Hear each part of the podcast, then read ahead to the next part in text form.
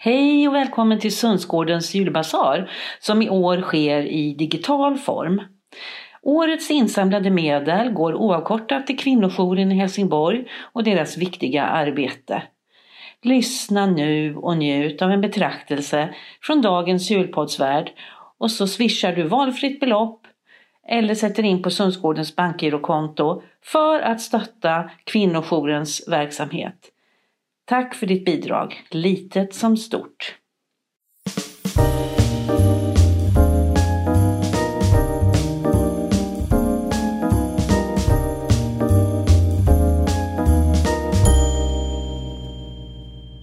Han kommer döda mig om han hittar mig, säger hon och viker ner med blicken. Blicken som är fylld av rädsla, sorg, chock och tummighet på en och samma gång. Jag har sett den så många gånger på mitt arbete.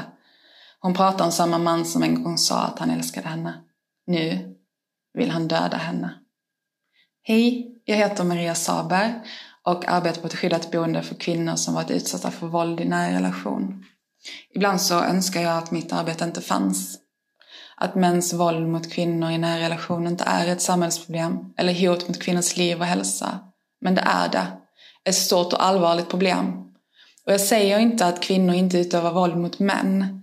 Men både svensk och internationell forskning visar på att grovt upprepat våld utövas mest av män. Kvinnor behöver på grund av detta mer stöd och hjälp, särskilt inom sjukvården. Våldet kostar samhället miljardbelopp varje år och var tredje vecka i Sverige dödar en man sin partner. Och om du tänker att det här händer inte mig eller det berörs inte jag av, så tänk igen. En av fyra kvinnor kommer någon gång i sitt liv att utsättas för våld i nära relation i Sverige. Och i världen är den siffran en av tre. Våldet drabbar kvinnor i alla samhällsklasser, åldrar, sexualiteter, etniciteter och funktionsförmåga. Så jag uppmanar dig för ett ögonblick att titta runt omkring dig bland kvinnorna i din närhet. För du kan göra mycket som medmänniska. Som granne kan du ringa 112 om du har bankande eller skrik. Som släkting kan du ta mod till dig och våga fråga. Som lärare kan du göra en orosanmälan för barn du misstänker blir utsatta i sitt hem. Som vårdpersonal kan du ställa de där obekväma frågorna om våld och som vän kan du stå kvar fast hon blånekar. Så våga fråga. Inte en gång, inte två, utan så många gånger som det krävs. Det finns olika sorters våld det psykiska våldet såsom kränkningar, hot, utpressning, kontroll och isolering. Det fysiska våldet såsom knuffar, slag, sparkar, strypgrepp, hålla fast eller hindra någon från att sova. Det sexuella våldet. Om att tvinga någon att utföra sexuella handlingar mot sin vilja. Det materiella våldet kan vara att slå sönder saker, men även våld mot husdjur. Det ekonomiska våldet, om att kontrollera någons pengar eller tvinga den ta lån latenta våldet.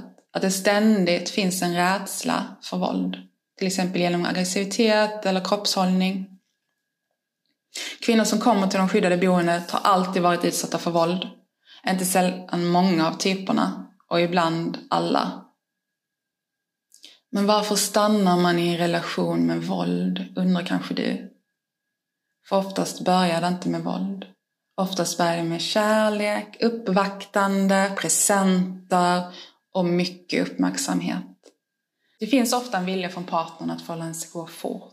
Att bli tillsammans och flytta ihop. Genom att flytta ihop fort kan även kvinnan isoleras mer. Gränser förskjuts och suddas ut.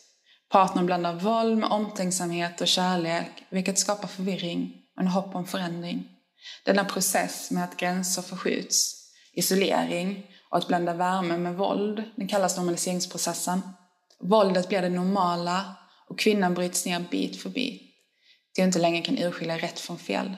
Det är därför det är så svårt för att kvinnan att bryta sig loss. Och det är lätt att tro att kvinnorna som kommer till det skyddande boendet är svaga. Men det är inte sant.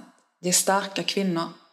Just för att de har faktiskt tagit mod till sig och bryta sig loss. Ibland mer än en gång. Ofta kommer de till ett stadie där deras frustration och känsla av orättvisa bubblar upp. En orättvisa av att hon får sitta där inne, inlåst, medan han är ute i det fria. Ja, för ofta så går han fri och lever sitt liv som vanligt i rättegången. Men även många gånger efter rättegången. För han blir ofta inte fälld. Hon får lämna sitt hem, sitt arbete, sin familj, sina vänner, sina ägodelar. Oftast kommer hon bara kläderna hon har på sig. Hon har blivit utsatt för kränkningar, slag, övergrepp och är den som får lämna sitt liv för att bli inlåst, för att vara skyddad från honom. Det är så vårt samhälle ser ut just nu. Och jag kan bara önska att det inte kommer se likadant ut i framtiden. För min passion handlar inte om våld mot kvinnor, utan min passion och framtidsvision handlar om att kvinnor har rätt till sina egna liv och till sina kroppar.